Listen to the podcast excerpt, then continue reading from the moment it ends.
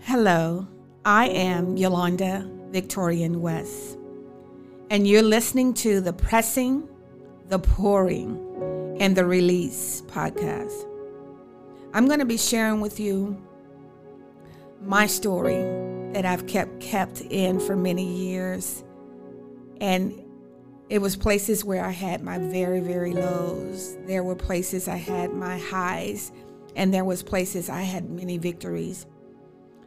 I am going to tell you my story for God's glory only because it was Him that brought me out. So I want you to come in and join me and let's share together.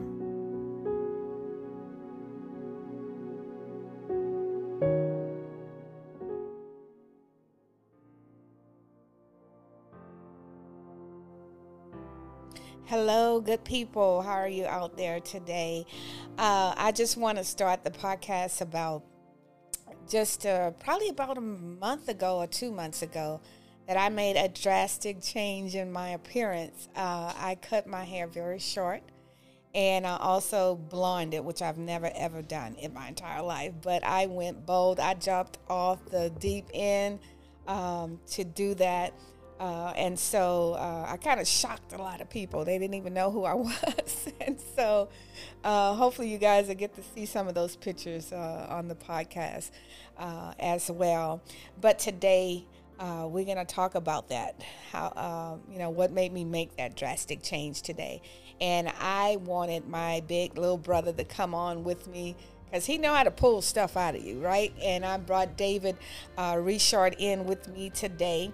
And so you guys are going to enjoy us just kind of convo today. Right. Right. right, right, right. That's a cool thing. And I love that you use the Louisiana Oh, yeah. last name. yes. Your side of the water. You know you my kinfolk. I know. I know. We're family. we oh, we are. We're really Yes. family. So I think that's awesome. Speaking of shock, it was the hugest shock. when You Yes. changed your hair. Um, and I'm and, and, and I guess let's be honest, people change their hair all the time. Right. You know, we're in an era where that's the, the one thing that changes.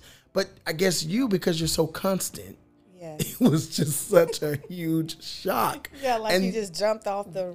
Right. It was, but you know, and, and, and what's what's funny is, you couldn't just cut it Uh, and curl it. Right. You had to dye it. You're right. And um, I, I felt I'm doing everybody a favor because I'm like, I know I'm not the only one. I know so many of us have had questions about this drastic change and Yes. and the lesson behind it.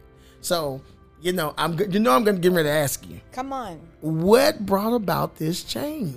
You know what, uh, David, that uh, coming up, as you know, some of my podcasts talked about the times that I grew up. And so I always been that person that um, was kind of hated on, you know, Right. talked about. So I kind of like just slowly just background myself, you know, tried to stay out of the limelight or tried to stay out of everybody's seeing because I went through people always think I wanted their man, you know Oh wow. and never those thoughts never run across my mind and so I always just you know be my little country self put a my hair in a um in a bun or pull it back or Background. have my little t-shirt and jeans on and I'm good you know and of course you know our bishop and our co-pastor has just been preaching you know be bold you Right, know right, and right. so um for for a long time I was thinking about doing it but I just never did it you know and uh, come out of the background as a cosmetologist and you know cosmetology you always see them with these bold crazy colors you know because you're Right, in there that's you can true. fool with all that stuff Yeah, that look. but I never did it.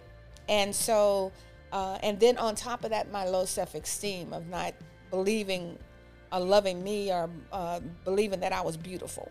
You know, and still kind of, you know, a little bit still have that issue. And uh, but have come out of, it. and I just decided I kept looking at this color, and I kept looking at it for a long period of time, and I'm going, oh, I want to do it, I want to do it, and I just one of my son's friends, I seen her because you know somebody got to know how to do this. Right. Well, yeah, that's bust true. this out, right? Yeah, So now that's true. This has to be strategically planned. Yeah, because you you'd have melt your hair off. You know? Well, yeah. And so I seen her. I said, "Oh, that's somebody I know." Not just looking at pictures. And I asked her who was the guy or who was it that done it? And it was a guy that did it. And I said, I'm gonna do it. She said, You sure? I said, Give me his number. And uh, and I'm telling you, David, I went and I was like, we they didn't let me see nothing at first. They were videoing my daughter and her. And I was sitting there and I was like, oh, I'm really doing this, you know. I can't believe I'm going through with this. Yes, and I had no fear. No, oh, no, fear, fear. about it. You know, Wow. and um he was I mean, he was going at it, cutting it off and everything. And when I he got done, it was like I still had to, you know, kind of get used to it. I was like, I don't know. And I was calling people on FaceTime. Do you But- see this? yes.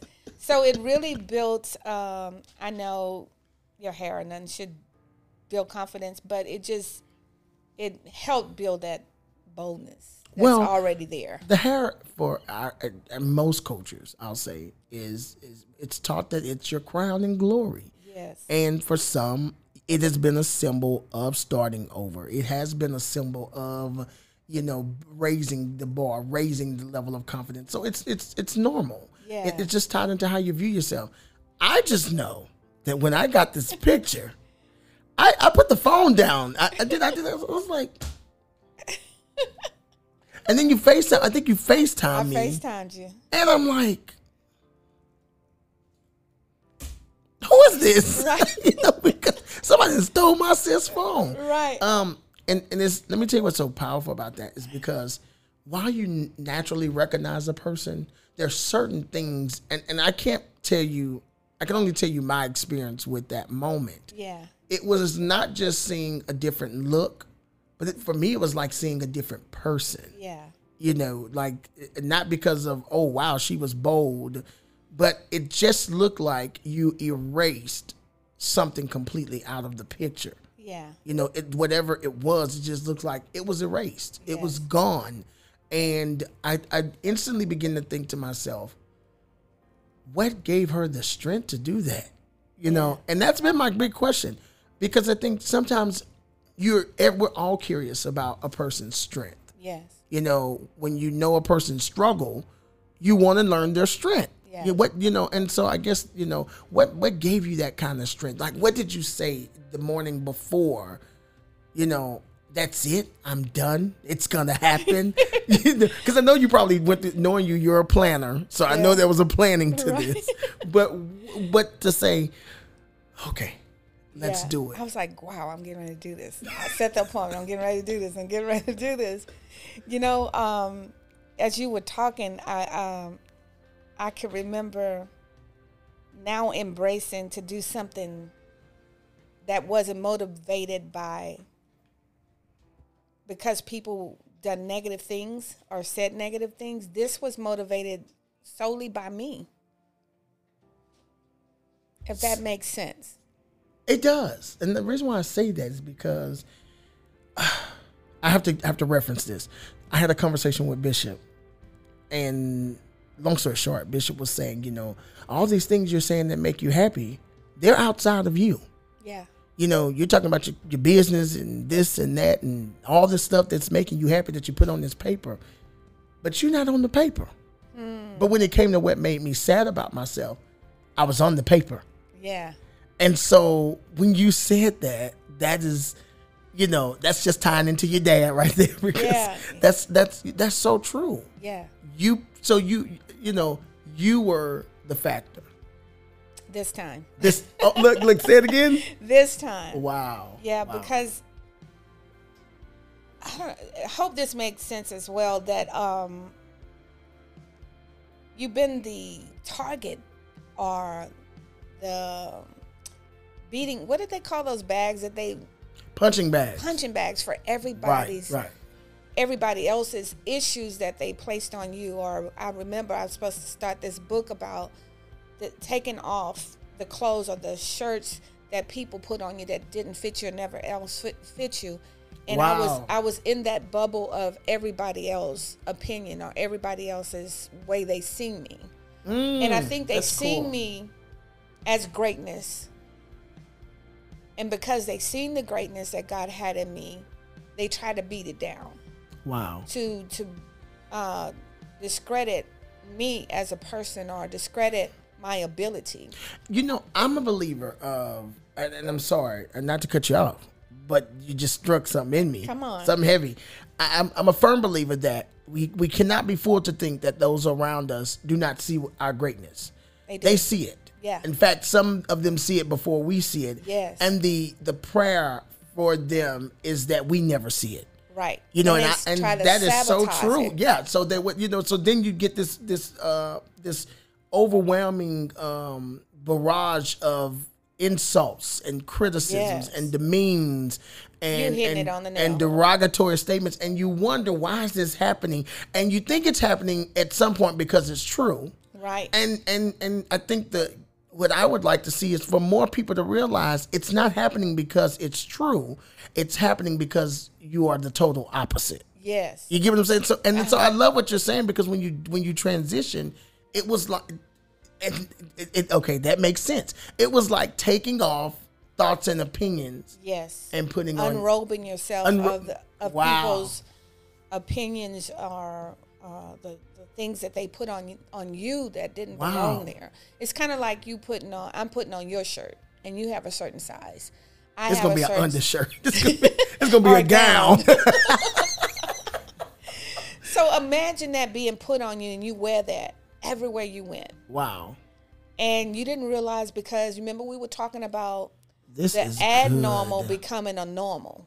So wearing their clothing, uh, in in that sense of Mm-hmm. wordings, you wore those clothes so long right. that it became normal.